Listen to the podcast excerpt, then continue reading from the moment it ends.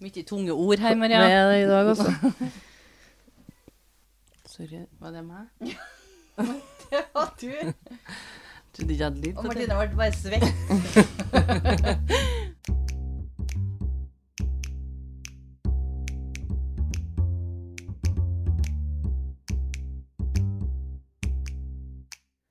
Hei, hei, alle sammen. Da er vi tilbake med en liten pause med dere. Vi er Anonyme Mørkredde. Du hører på meg, Maria, og søstrene mine. Martine. Andrea. Uh, vi har lyst til å gi en shout-out til vår selvutnevnte produsent. Håvard. Og kona. Uh, Det er ikke kona. Kona er det nå Nei, det er ikke Uh, dama. Samboer. Sunniva. Riktig. Sunniva. Ja, Lost der vi eh, må jo si produsent. Vi bruker ikke penger av han, for at vi låner utstyret av han. Ja. Så vi får låne utstyret hans gratis. Tusen takk, Håvard. Og så støtter han oss veldig mye. Han støtter Han oss. gjør, det gjør oss Sunniva, og det setter vi pris på. Ja, takk for det. Uh, og så vil vi jo selvfølgelig si at vi setter pris på alle delinger, alle gode tilbakemeldinger og støtten som alle andre viser òg. Ja, ja, ja, ja, ja. Og det er det mange som gjør. Veldig mange. Da blir vi veldig glad for. Da blir vi kjempeglade. I denne episoden så skal dere få høre om et tyveri som er litt utenom det vanlige. I dag skal vi snakke om eh, et tyveri som skjedde i 2002, nemlig tyveriet av noen av NASA sine månesteiner. Månesteiner, ja. Jeg vet ikke om jeg vet hva det er engang. Det er en stein plukka fra månen. Ja, rett og slett. Rett og Det slett ligger i en månestein. En månestein, ja. Men det er jo moonrocks, da, så her har jeg directly translata. Da har jeg et spørsmål med en gang her. Hvor mange sånne månesteiner finnes det, da? De, det er ikke mange av dem, selvfølgelig, for de kommer fra månen, så de har jo bare tatt med seg noen få uh, hver gang de har vært der. Men, men i det tyveriet her så, så stjeler de da små sånn prøver av alle Apollo-månelandingene. Oi. Ja, Oi. så det er jo flere runder de har vært, da. Men de kan jo ikke ta med seg så mye tilbake. Så det er jo ikke sånn kjempestore steiner. Og det er ikke så mange av dem heller. Det blir litt sånn samlingsobjekt, dette. Ja, det er ulovlig å eie mannesteiner. med mindre du helt eh, spesifikt har fått dem som gave fra staten, eller fra USA-staten i dette tilfellet. Ok, Så det er ikke meninga folk skal tjene penger på det, egentlig? Nei, men de kan jo selges på sånn black market og sånn, selvfølgelig, men det er i hovedsak ulovlig å ha månesteiner, da, for at de er, er forbeholdt eh, forskning og, og utdanningsformål, da. Så det er rett og slett ulovlig å eie dem? Uh, ja, altså, du eier jo ikke dem, da. Nei. Fordi det er jo ikke lov å ha dem, men, uh, men du kan få sånne små deler tildelt sånn helt spesielt der, på en måte, men da har du jo gjerne gjort noe spesielt for å få dem, da. Men hvis de får det, da, for eksempel. Hvis jeg hadde gjort noe spesielt og hadde fått en sånn en fra staten, eller altså Sjansen er eh, ekstremt liten. Men, Fryktelig liten, Martine. men kunne jeg da solgt den? Mm, jeg antar det, men nå er jeg litt usikker på den her buy and trade-greien på månesteiner hvis du allerede har lov å ha den, men da regner jeg med du tar den sjøl, for det er jo gjerne for at du har vært eh, på Men, ja, men hvis du går skikkelig, skikkelig ille med det, og du taper alle pengene dine og alt du har i den her månesteinen, som er verdt flere millioner på svartemarkedet Men jeg har et spørsmål. Vet du hvor mange som eier sånne? Nei, det vet ikke jeg. Ah, nei. Eh, tror ikke det er mange. Research there, Maria. Nei, jeg skal ikke med 100 sikkerhet si at du ikke får lov å selge den hvis den første er din i første omgang, men uh, du kan høre historien, da. Ja. Mm. Hovedpersonen her er en fyr som heter Tad Roberts. Tad er en eh, teoretisk fysiker og en filosof i fysikk og en selvpubliserende forfatter fra Salt Lake City i Utah. Han har skrevet boka Einsteins intuisjon og er inspirasjonen bak en bok som heter Sex on the Moon. Men det kan ikke være mulig. Sex on the moon. Ja, det må jo være mer enn en high Hva heter det? Mile High Club? Ja, det Høyere opp, den. vil jeg si en, en enda mer eksklusiv klubb, det her. Aha, Mm. VIP. Nå er ikke jeg noe geofysiker, det skal jo være sagt, så om det er noe som ikke blir sagt riktig av alle de her ordene, så beklager jeg på forhånd. Og det er selvfølgelig bare å sende meg en melding om jeg er helt på jordet, og rett på mine feil. Det setter jeg pris på. Tad vokste opp i en strikt mormonerfamilie. Når han- var ferdig med treninga si i The Missionary Training Center, som er en sånn her mormoner-treningssenter, så ble han sendt til Tulsa, og der innrømte han for mission-presidenten sin at han hadde hatt sex før ekteskapet, og ble derfor tatt av oppdraget sitt for mormonerkirka og sendt tilbake til Salt Lake City i Utah. Han gifte seg med ei Katie i 1996. Katie og Tad hadde møttes på high school, og bare året etter de var ferdig på high school, så ble de da gift. Katie prøvde lykken som modell, og Tad begynte på universitetet, hvor han studerte geologi, geofysikk og fysikk. Han hadde en mål, og det var å bli astronaut. På fritida si så drev han The University's Astronomical Society, og gjennom noe han arrangerte som stargazing-kvelder, så møtte Tad en fyr som heter Gordon McWarther. Og han Gordon her kommer jeg tilbake til litt senere. Tad fikk seg flyversertifikat, og han var på dinosaurutgravninga, og til slutt, i 2001, når Tad bare er 22 år gammel, så endte han opp med å søke seg inn på en co-op-posisjon for NASA. En co-op-posisjon, da, er når man jobber over flere sånne perioder, og hvor man da jobber og går på skole litt sånn om hverandre i sånn turnus eh, Det er som regel fulltid og betalt, den her co-op-posisjonen. Turnusgreier, det er jo veldig ofte ikke betalt i Amerika. Er det? Jo, sånn intern, ja. ja. Ja, men det her, den her K-posisjonen, det er da fulltid og betalt. Og det, de blir kalt interns. Så det er liksom en form for lærling. Uh, så til slutt har man en utdanning, og bruker da som regel fem år på den. Tad ble akseptert inn i denne utdanninga i NASA, og han begynte som det de da intern blir oversatt til, turnuskandidat i astrofysikk, før han gikk videre til geoastrofysikk. Han jobba for The Neutral Buoyancy Laboratory, eh, som er oversatt til Nøytralt oppdriftslaboratorie, hvor han tok i bruk si trening i dykking og assisterte astronauter i trening for spacewalk ved å bruke undervannstrening med dem. Tad var en meget skarp fyr. Ferdig på universitetet så hadde han jo da tross alt tre hovedfag, geofysikk, fysikk og geologi. Han hadde drømmer om å være det første mennesket på Mars. Tad var en sjarmerende fyr. Eh, han hadde en litt sånn egen utstråling som dro folk inn. Han var en energisk, karismatisk og positiv fyr som folk likte veldig godt, da. Men som de også så på som en litt, eh, litt sånn esentrisk fyr. Så Tad, da, når han begynner som intern for NASA, så blir han tildelt jobb i eh, Johnson Space Center i Building 31 North, hvor han jobber med å forberede små jordtester som NASA-researchere skulle eksperimentere med. Men i det bygget var det andre steiner som var ganske mye mer verdt også. I et sikra hvelv så ligger det månesteiner fra hver måneoppdrag som eh, har vært gjort av NASA. Der ligger det steiner som er upriselige. Der ligger de i nitrogenfylte tanker, sånn at de ikke blir påvirka av lufta her på jorda. Eh, å ja, så hvis du, hvis du eier en sånn der månestein, må den ligge i en sånn tank da òg? Eh, jeg tror de, du får, blir, er så små at du får dem i sånne her innglaserte greier, sikkert. Men jeg tror hvis du tar dem ut av de tankene her, så er de contaminated da, av lufta.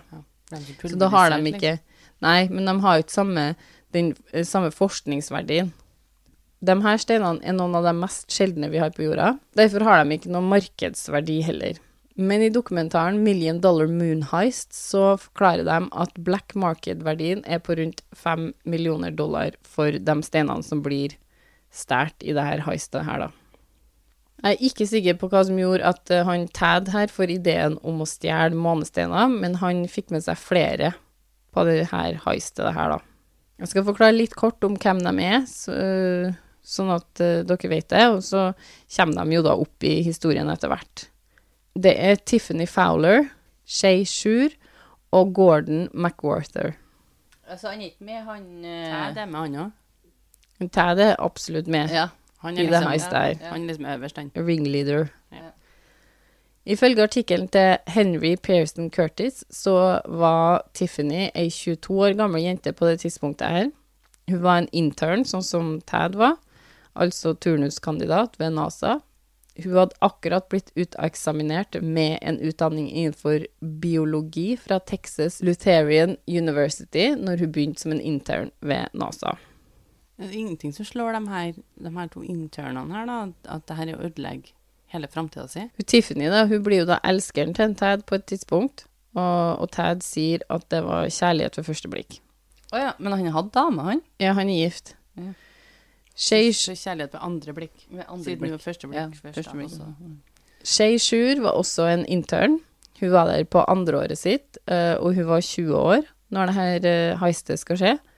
Hun var ei smart jente. Hun gikk på Lamar University samtidig som hun var intern ved NASA som ingeniør, da. Så hun jobba med en ingeniørutdanning. Gordon McWarther var den eneste i heistet som ikke var en intern ved NASA. Han studerte ved University of Utah.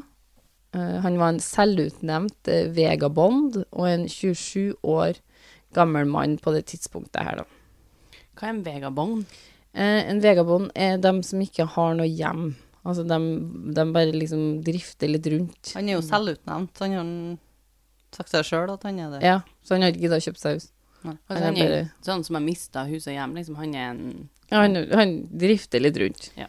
Og han er også den eneste av de fire som ikke faktisk er med å stjele månesteinene fysisk, da. Tad sjøl var jo da 26 år på det tidspunktet her i 2002, når det her heistet skal skje. Hvordan gjør de det her, Maria? La meg forklare dere denne ville historien. Og før jeg starter, så skal jeg si at detaljene i heistet er henta fra dokumentaren Million Dollar Moonrock Heist. Andre artikler jeg fant, gikk ikke så nøye inn på detaljene, så jeg har lent meg på dokumentaren for å finne ut hvordan det her gikk for seg, sånn steg for steg. Han Tad, da, han blir ganske besatt av det her hvelvet med månesteinene. Han tar også med seg Katie inn eh, en tur for å vise henne. dem, de kommer og ser på månesteinene. De putter jo da hendene inni sånn For de er jo inni sånne skap, så de putter hendene inni sånne hansker, vet du. For å liksom kjenne på dem. Altså, han blir liksom eh, oppsatt av dem, liksom. Han blir liksom opphengt av dem. Ja, han blir veldig opptatt av de her månesteinene her, da. Og Katie, det er kona hans. Katie. Katie. Nei, Ja, det er hun ny. Det, nei, det er Nei. kona. Den Å, kona. ja. Så hun har Mm. tatt med seg hun òg. Kom, kom. Ja. Er det innafor, liksom? Hvem Who knows. Men som jeg sa tidligere, da, så var jo det her et veldig sånn sikkert hvelv. Det var sånn stor sånn stål, ståldør, sånn med sånn rundt håndtak, vet du, som vi ser i sånne filmer når det er sånn bankran og sånn. Sånn gigasvær greie. Eh, og det var en topersoners jobb, da, for å komme seg inn i hvelvet. Du måtte være to personer, hvis ikke så fikk du til å gå inn, da. Så Tad hadde ikke akkurat noen mulighet til å stjele de her steinene inni det hvelvet her. Eh, derimot, mens han jobba i bygg 31 North, som, eh, som han fikk den internplassen på, da, så oppdaga han at en forsker oppbevarte månesteinene fra alle Apollo-oppdragene i en safe, hvor han brukte dem som forskning, da. Og i dokumentaren om heistet så forklares det at de her månesteinene som blir oppbevart av han forskeren her, eh, de er låst i en stor, drittung og femskuffa safe med kodelås. Og bare den forskeren som har månesteinene og forsker på dem, har koden til denne safen. Inni den her er det altså en prøve fra hver Apollo Mission og 101 gram med månesteiner til sammen. Det høres jo veldig lite ut, for de er jo ikke veldig store, de her prøvene. De er bare sånn små steiner. Ja, det høres jo mer ut som sandkorn, nesten. Ja, nei, de er, altså, de er, du ser dem, ja, så godt å si. Men um, det er ikke en kilostung, svær blokker det her liksom vi snakker om. Det her er jo prøver så, som han fyren der bruker i forskninga si, da. I 2001 så tar han eh, Tad med seg kona si, altså Katie, da. Og, og Tad spør han forskeren her om ikke kona hans kan få se en sånn månesteinprøve. Forskeren tar da med seg Tad og kona hans inn på kontoret sitt, eh, men eh, de får beskjed om at dere må stå opp med døra her og vente, mens han ordner med koden og sånn. Ok, de får da se en eh, månesteinprøve, og forskeren her han tar også ut en liten prøve av en meteoritt, som han viser dem. Ok, de får beholde denne lille prøven av meteoritt som en gave fra han forskeren her, da. Han er jo kjempesnill. Veldig snill fyr. Og da hadde jeg tenkt sånn, ja, men vi avlyser det her prosjektet. Han her, vi kan ikke stjele fra han her. Han her er altfor hyggelig. Det er bare å legge det død. Men, men en meteoritt, det, det er kanskje ikke så For det er jo sånn som lander Ja, her. på jorda, ja. Mm. Det forskeren ikke visste, var at når han låser opp safen, så ser han Tad at forskeren her, han som er den eneste med koden til safen, bruker et av kortene på safen og leser av koden bak på kortet. Og det får han Tad med seg, sant? Tad spør han Gordon her, som han hadde møtt under kveldene med stargazing som han hadde arrangert, eh, hva han, hva han tenker om månesteiner. Tad sier at jeg har en månestein, og lurer på hva Gordon tenker om eh, hvilken mulighet har vi for å selge en månestein, liksom, hva tenker du om dette? Eh, Gordon går da og sender ut en mail til en del mineralsamlere som finnes der ute, og bruker navnet Orb Robinson for å sjekke hvor ståa er rundt det her kjøp og salg av månesteiner. Eh, Gordon blir intervjua i dokumentaren jeg har sett om eh, heistet, og han forklarer at når han forsto at det var ulovlig å ha månesteiner, med mindre man hadde fått dem i gave fra staten, så spør han han Tad om det her, og Tad påstår at uh, han som har månestein, han har fått den på lovlig vis, da. Ja, bare spør nå, for nå ble jeg forvirra. Gordon, det er han som han har de prøvene kontoret sitt? liksom? Nei. Nei. Han Gordon her, han eh, møtte en Tad gjennom når han, han jobba for den der Astrological Society, så og organiserte noe som het sånn stargazing-kvelder på et sånt tak. Okay. Så ble jeg så usikker. Ble på- forskeren med plutselig på det? eller? Ja, nei, han Gordner, han er med på okay. heistet. Ja, sorry. -hmm. I Belgia, da, er det en fyr. En amatørsamler av fluorescens-mineraler. Han er ikke sånn kjempeinteressert i månestein, siden det ikke helt faller under hans litt kategori. Men han som svarer, han heter Axel Emmerman. Og han Aksel her sier at han er muligens interessert i å kjøpe en månestein, så fremt Orb Robinson her kan bevise at han har en. Tad får eh, mailene fra de interesserte kjøperne oversendt fra Gordon, og Tad har på dette tidspunktet ikke noe månesteiner i sin besittelse. Men det stopper jo da ikke Tad fra å prøve å få solgt dem uansett. Etter en del mailer fra Tad til Aksel, så får Tad, eller Orb Robinson, en mail fra svigerinna til Aksel, ei som heter Linn. Så nå, her, nå må jeg bare For det her er min annen til meg. Uh, så Tad kaller seg Orb Robinson. Ja, han Gordon her, når han sender ut liksom mail, er det noen som er interessert i noen månesteiner her, så lager han seg uh, et alias Orb Robinson. Og den fortsetter jo han Tad å bruke når han tar over de mailene her, da. Så svigerinna til Aksel, altså kjerringa til broren hans, sender en eh, mail til han, som Linn. Hun forklarer at hun har blitt bedt om å ta over denne handelen av en Aksel. Hun har fått beskjed om at det er viktig at det her skjer diskré og forsiktig, for det er jo da ikke lov å selge sånne månesteiner. Eh, og de setter opp en dato hvor de kan møtes, og Linn spør hvordan hun skal klare å gjenkjenne Orb når de møtes. Orb, eller Tad, da, sier han kommer til å ha på seg svart skjorte og et delfinsmykke. Tiffany og Tad bor på det tidspunktet her sammen, og ifølge dokumentaren så finner Caden ut av det, og Tad prøver å forklare til Katie at hun bare ikke helt forstår hva han prøver å gjøre akkurat nå. Men må, må han bo hjem til hun for at han skal få til dette? Nei. Uh, men han sier til uh, Katie at han, hun ikke helt skjønner hva han prøver å få til. Han bruker Tiffany til noe helt annet enn det Katie tror. Gjør jo ikke det, da. Men Tad kan ikke forklare det noe mer enn det til henne. Men han lå med henne, gjorde han ikke? Absolutt. Tad klarer jo da å overtale Tiffany om å være med på det heistet her. Han bygger det opp som et sånn hemmelig eventyr som skal skje, og i tillegg til Tiffany så overbeviser han da også Shay til å bli med på det her, hun som var en intern i andreåret sitt. På kvelden den 13. juli 2002, ei uke før han skal møte Lynn for å selge månesteinen til hun, så låner Ted en større bil av en kompis og plukker opp Tiffany og Shay før de kjører til Johnson Space Center, altså NASA Space Center her, da, og bygning 31 North. I dokumentaren så forklares det følgende. Tiffany og Tad går inn i bygget, mens Shay blir igjen i biler for å holde øynene åpne etter folk som kunne avsløre dem.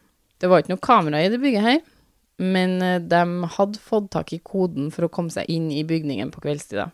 Neste hindring i deres vei var da en kodelås på døra til denne forskeren som hadde de her månesteineprøvene eh, i den safen sin.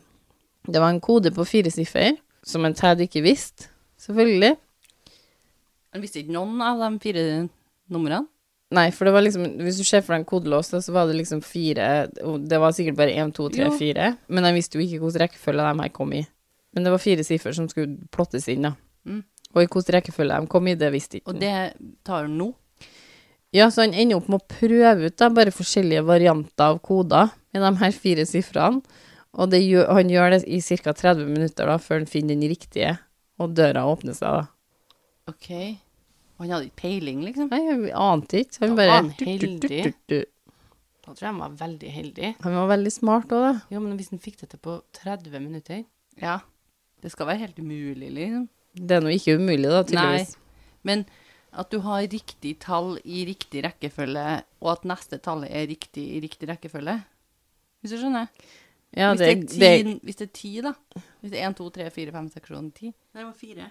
Det var bare fire knapper òg, liksom? ja, det er bare bare ja, fire knapper òg. Ja. ja. okay. Men det er fortsatt veldig mange kombinasjoner hvis du skal gjøre det i hodet i tillegg, da. Du skal prøve å huske på den, Den har jeg prøvd, Mm. Ja. og den har jeg prøvd, men ja. Så kom de da til safen, og Tad sjekker da bak det kortet her, uh, som han så at forskeren brukte for å åpne safen, og prøver uh, safen med den kombinasjonen av tall som står bak der. Det viser seg at den her ikke er riktig, og at forskeren ikke hadde skrevet safe-koden bak kortet, men en algoritme for å hjelpe han sjøl å huske koden. For han her forskeren, han er smart. Ja. Og han har ikke skrevet koden bak det kortet, Nei. som en Tad trodde. Og det tenker jeg alle bør lære av. Det er ganske mange som gjemmer passord og sånn i nærheten av PC-en sin og sånn. Og det var jo det han trodde han Mm. hadde gjort, men han hadde jo bare laga seg en algoritme for å huske koden sjøl, for sin okay. egen del. Men han Tad, han klarer nok sikkert den algoritmen. Nei, Uh, i desperasjon, eller noe i den duren, jeg vet ikke helt hva jeg skal kalle det, så velger da Tiffany og Tad å ta med seg hele safen på ei tralje. Og bevege seg gjennom bygning 31 North med denne safen, da. OK. Og det var en svær Det er litt risikabelt, er tenker boldy. jeg. Boldy move there. Ballsy. Boldy. Er det sånn skalla? Nei, Skalla move? Boldy er- Det er boldy. Skalla. Skalla move der. det her var jo da ikke en lett oppgave å få til, med den her svære safen. Der kommer de rullene. Uansett da, så kan jeg fortelle dere at de klarer faktisk å få til det her uten å bli tatt. Og de klarer å dytte den safen her inn i biler på et vis, og kjøre fra Johnson Space Center uten å bli sett. Just saying. Bold move er riktig. På Medium sin artikkel om saken så står det at de gjør ganske mye mer enn det her. Jeg er ganske sikker på at det er dokumentaren som eh, beskriver det mest rett. Eh, men dere skal få høre hvor mye forvirring som virrer rundt da. Denne saken er liksom blest litt opp av en Tad sjøl òg, i ettertid.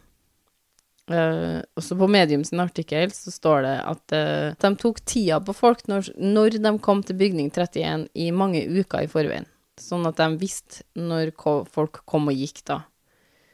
Og så står det at de fant ut hvordan de skulle rewire overvåkningskameraene, sånn at Tad og Tiffany kunne gå inn i bygget, og Shay kunne se på overvåkningskameraene ut i biler.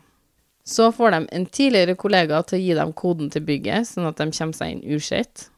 Så snakker artikkelen om at de måtte ha på seg neoprepne drakter og luftapparat, for i denne artikkelen her så står det at de gikk inn i det hvelvet der månestenene var.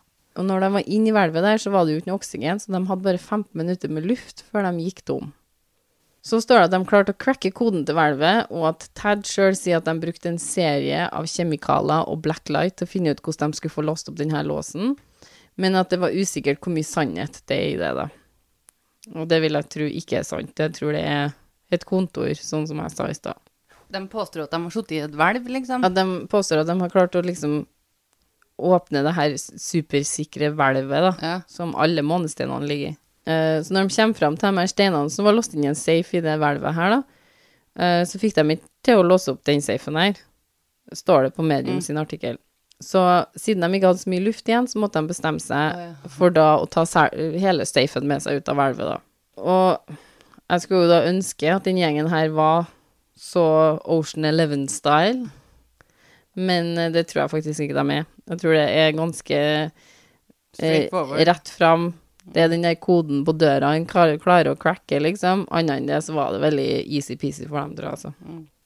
Eh, dokumentaren fortsetter med å forklare at Tiffany og Tad drar til et motell som de hadde leid seg et rom på tidligere, før de gjør heistet, og, og begynner å bryte seg inn i safen. Og da bruker de bare sånn verktøy som de har kjøpt seg på en eller annen verktøyshandel, og sveise gjennom skuffene og styre og ordner. Eh, og inni denne safen så finner de da prøver fra alle Apollo-missionene, men også denne forskeren sine notatbøker. Så de finner 30 år med forskning, da, som han har painstakingly notert seg og forska på og skrevet ned. Altså, han var en gammel forsker. Ja, han har jo forska på de er her i 30 år. Det er han som har forska. Men jeg vil bare si at det hørtes dyrere ut enn stenene. Ja, det, det er ganske heavy. Altså, det er informasjon han aldri får igjen igjen, han fyren der. får ikke den igjen det. Jeg håper jo for gudskjelov at noen gir den i blokka tilbake. Det blir forklart at en Ted alltid har nekta for at notatbøkene var i safen. Ok. Eh, for dem er jo da aldri blitt funnet igjen. Men Tiffany har tatt noen bilder av eh, Funnet. skulle du si tyveri, tyvgodset sitt, da. Eh, og på bildene så kan man se uh, noen grønne notatbøker, da. Og de var grønne, de her notatbøkene hans. Uh, og de ser mistenkelig ut som notatbøkene til han forskeren, da. Men de forsvinner. Påfølgende mandag, det er jo da skjedd i ei helg, så oppfører Tiffany, Tad og Shay seg helt vanlig og møter opp til de her internjobbene sine som vanlig. Og de gjør det, ja. Ja, og det blir annonsert at noe var blitt stjålet den mandagen. Um, Tad sender da Linn, hun her potensielle kjøperen av månesteinene hans, en faks med noen dokumenter fra safen for å på en måte bevise at det var ekte vare. Og den 19. juli drar Tiffany og Tad til Orlando for å møte Linn. Iført eh, delfinsmykke og Og svart skjorte. Shay blir ikke med på denne turen her, for hun skulle et eller annet. Begynner hun å trekke seg litt, eller? Det virker ikke som jeg er så ivrig lenger. Eh, men de tar kontakt med han Gordon, og han blir med. Eh, så Gordon møter dem i Orlando den 20. juli, og det er tilfeldigvis på dagen 33-årsjubileet til den første Apollo-månelandinga, da. De sjekker inn på et hotell, og mens de er på hotellrommet her, så ser de på månesteinene sammen alle tre. Gordon ender opp med å dra ut for å få tak i noe mat, og mens Gordon er ute av rommet, så blir det da forklart at Tad legger månesteinene på senga, og så har Tiffany og Tad sex oppå dem. Hæ? Som de første menneskene til å ha sex på månen, som Tad forklarer senere.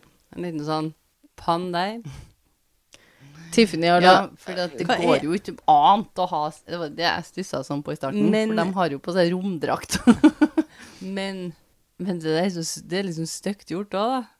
Mm, når Gordon kommer tilbake, så er begge de her toene da i dusjen, uh, og han sier, for han ble jo da intervjua i den dokumentaren, og han sier at han tror ikke på den historien om at de hadde sex oppå de steinene her. Uh, han sier at det er en kul historie. Han sier seg enig i at det hadde sikkert vært uh, veldig kult om det hadde skjedd. Jeg vet ikke om jeg ville ha sagt at det var så veldig kult, eller? Å kunne si at du hadde sex på måneden. Jo, men jo. Jo, det er én ting, en ting det, men en annen ting er når du har stjålet dem nettopp. Ja, men du har, ikke, du har ikke hatt sex på måneden. Du har jo hatt sex på deler av måneden. Men Fortsatt. Ja, skal være kanskje litt kult. Det er ikke så mange som kan si det, sikkert. nei Men det er ikke så mange som kan si det. Ted her, da. Han er jo utrolig god på historiene sine.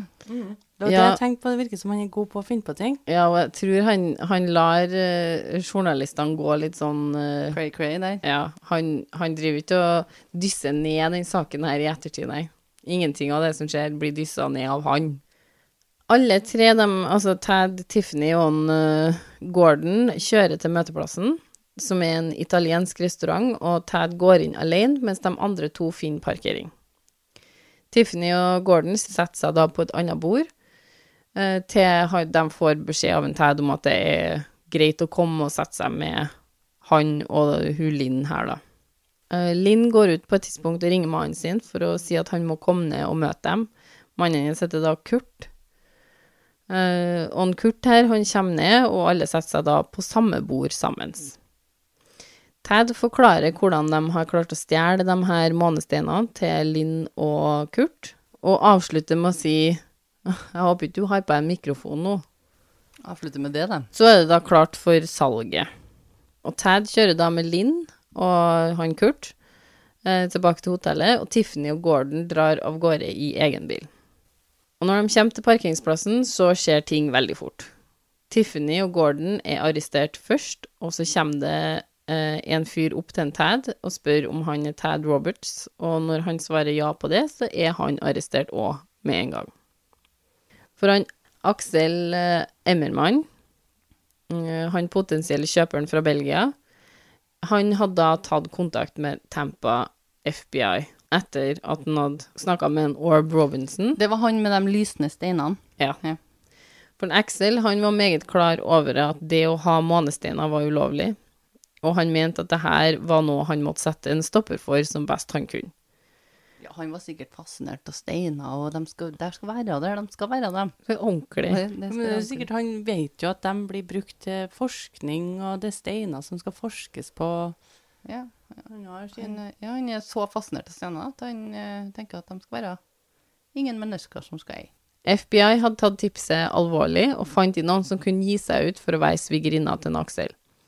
FBI sjekker IP-adressene og finner ut at noen av de her mailene er sendt fra inni NASA Johnson Space Center og fra University of Utah.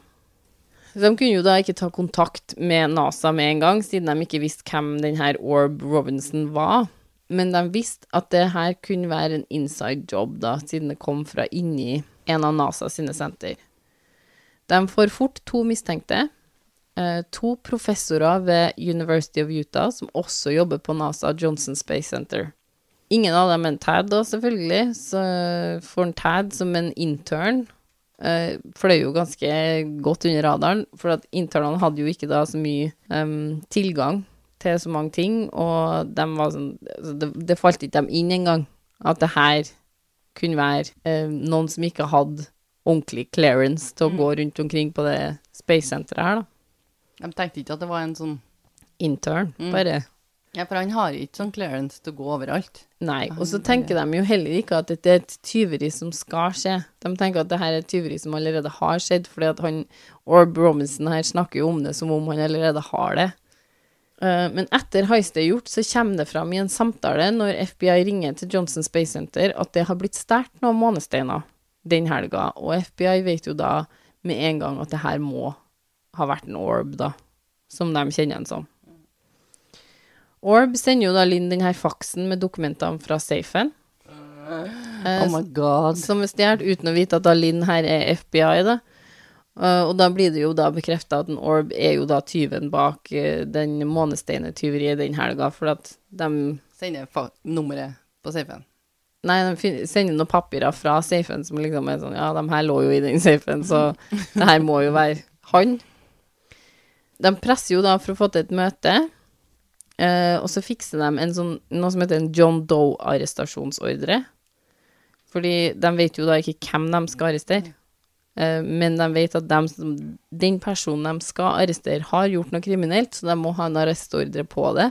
Men den heter en John Doe-arrestasjonsordre, da. Har ikke hørt om før. Nei, ikke heller, for det dukka opp nå. FBI ender da opp med å komme litt seint til det møtet her, av alle ting.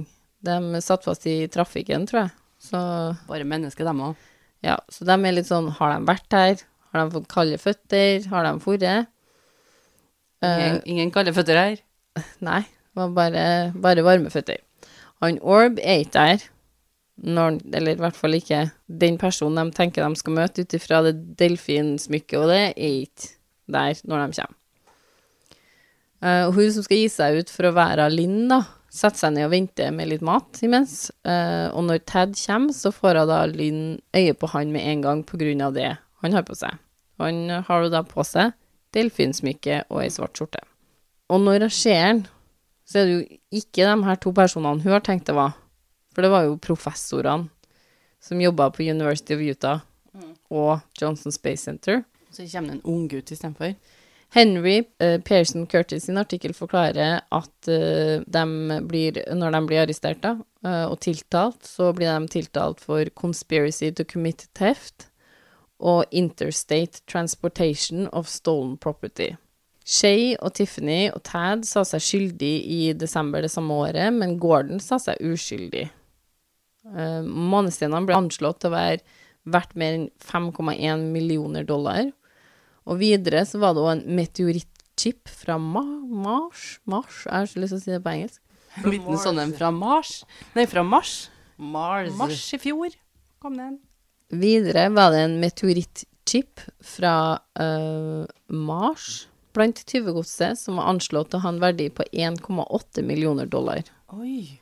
Hva den- men du sa meteoritt? Meteoritt? Meteorittchip, ja. Og den chipen inneholdt noe forskerne anser som eh, eh, bevis på potensielt liv på Mars, da. Så det var en veldig, veldig, veldig verdifull chip, da, tenker jeg. Den har han stjålet. Den har han tatt, vet du. I samme artikkel da, så sier de at Gordon dukker ikke opp til rettssaken sin og forsvinner, faktisk, men eh, han blir jo da ganske raskt funnet igjen, og når han blir funnet igjen, så nekter han for at det er han som er en Gordon. Eh, men han identifiserer seg jo da som Gordon i rettssaken som følger, da, så han innrømmer at han er Gordon til slutt. Oh my god, det er ikke mulig. Eh, på en artikkel i Orlando Sentinel så står det at jentene i det her heistet her slapp ganske lett unna.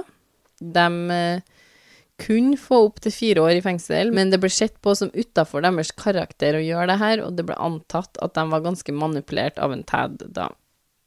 Derfor blir de dømt til probation i to år og får husarrest i seks måneder og må ta 150 timer med community service, og så måtte de betale sin del eller alt av 9000 dollar i restitusjon til NASA.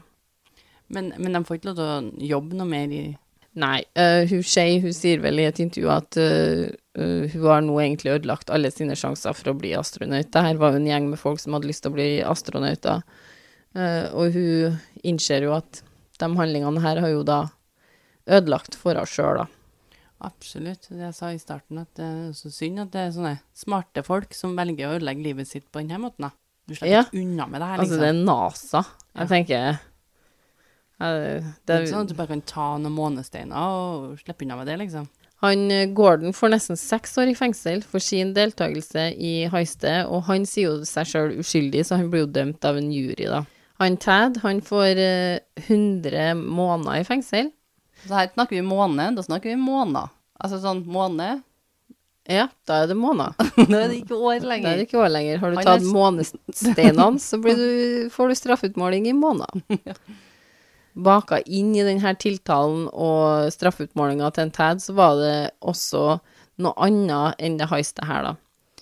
For samtidig som en Tad jobba med det heistet ved NASA, så hadde også Tad jobba på Utah Museum of Natural History, og der stjal han en del fossiler fra dinosaurer. Ok, den prøver å selge det òg, eller? Nei, det står ikke noe om, men uh, det- det er også her han uh, i Han får han Gordon til å komme, så det er her han legger fram den her månestein um, sin til han, da. Mm. Dommeren i saken tar også med i beregninga at uh, all forskninga til den forskeren her uh, var borte, og det var over 30 år med forskning som var borte der. Steinene var kontaminert, og derfor hadde også forskningsverdien i dem sunket. Ja, for de Etter de har tok eh, dem. Riktig. Han hadde Ja. dem utafor det. Han har gjort noe med dem som han ikke skal, i hvert fall. Hadde sex Altså, når du har sex oppå dem, så er ikke de sånn Så ikke de så mye verdt lenger. Tad han ender opp med å bruke fengselstida si godt. Han skriver en 700 siders lang bok, 'Einsteins Intuition', 'Visualizing an 11-dimensional framework of nature', 'An introduction to quantum space theory'. Det etterpå er en litt sånn tung bok. Ja, jeg tror ikke den er sånn kjempelettlest. Den er på 700 sider òg, så den er tung generelt. Dæven. Aksel Emmerman får faktisk en asteroide oppkalt etter seg, som takk for hjelpa i å få fakka tyvene bak månesteinene. Å, det var fint.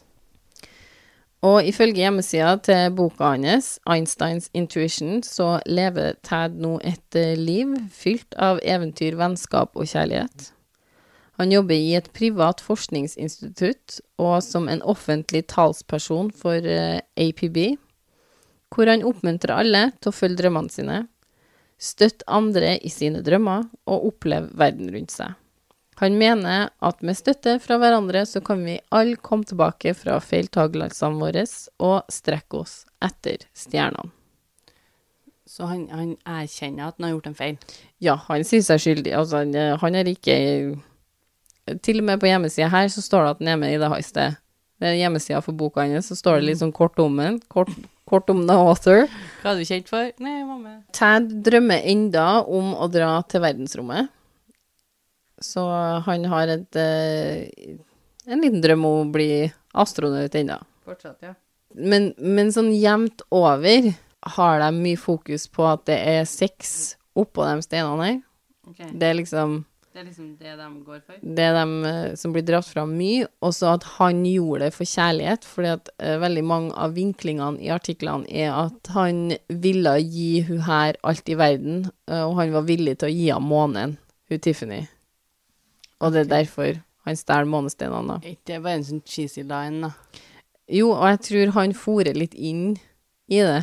Han, uh, etter han var i fengsel, så tror jeg liksom det ble på en måte hans forklaring på det, men eh, de FBI-agentene sier jo da at han absolutt innrømte at han hadde et pengemotiv, da. Men at i ettertid så har det her liksom egentlig blitt til en sånn litt sånn kjærlighetserklæring fra hans side. Uh, og han hadde da kjent henne i tre uker, det skal sies. Og så Fikk han tak i månen til henne og tatt en sex opp han. Ja. Og Veldig romantisk, må jeg si. Veldig, veldig bra. Uh, men han var ikke sammen med hun etterpå. Uh, nei, det tror ikke jeg. Det var alt vi hadde for denne gangen, jenta. Det var ikke litt det. Var, Maria, det var månen. Ja, det var You gave me the moon. the fucking moon. Eh, følg oss gjerne på Instagram eller Facebook. Eh, vi heter En liten pause. Send oss en mail om du har en historie til de bitte små pausene våre. Det kan være en hvilken som helst historie. En ekte en, eller en du har funnet på. En du har hørt om, eller eh, diverse. Jeg, jeg må bare få si, for nå er det tomt. Ja, nå er det faktisk tomt. Så hvis folk vil høre en bitte hvis noen sitter på en som de tenker sånn ah, Det er jo ikke noe vits, de velger sikkert Den første som sender inn nå, den blir valgt. Hvis ikke dere, det blir sendt inn nå, så hva gjør vi da? Det må nå vi sitte her og våse, da. Ja, da blir det vås. Vås, Da blir det våse, vasse, vås. Mailen vår er En liten pause podkast at gmail.com. Og det er sammenhengende. En liten pause podkast at gmail.com. Tusen takk for at du lytta på. Vi høres. Ha det. Ha det. Ha det.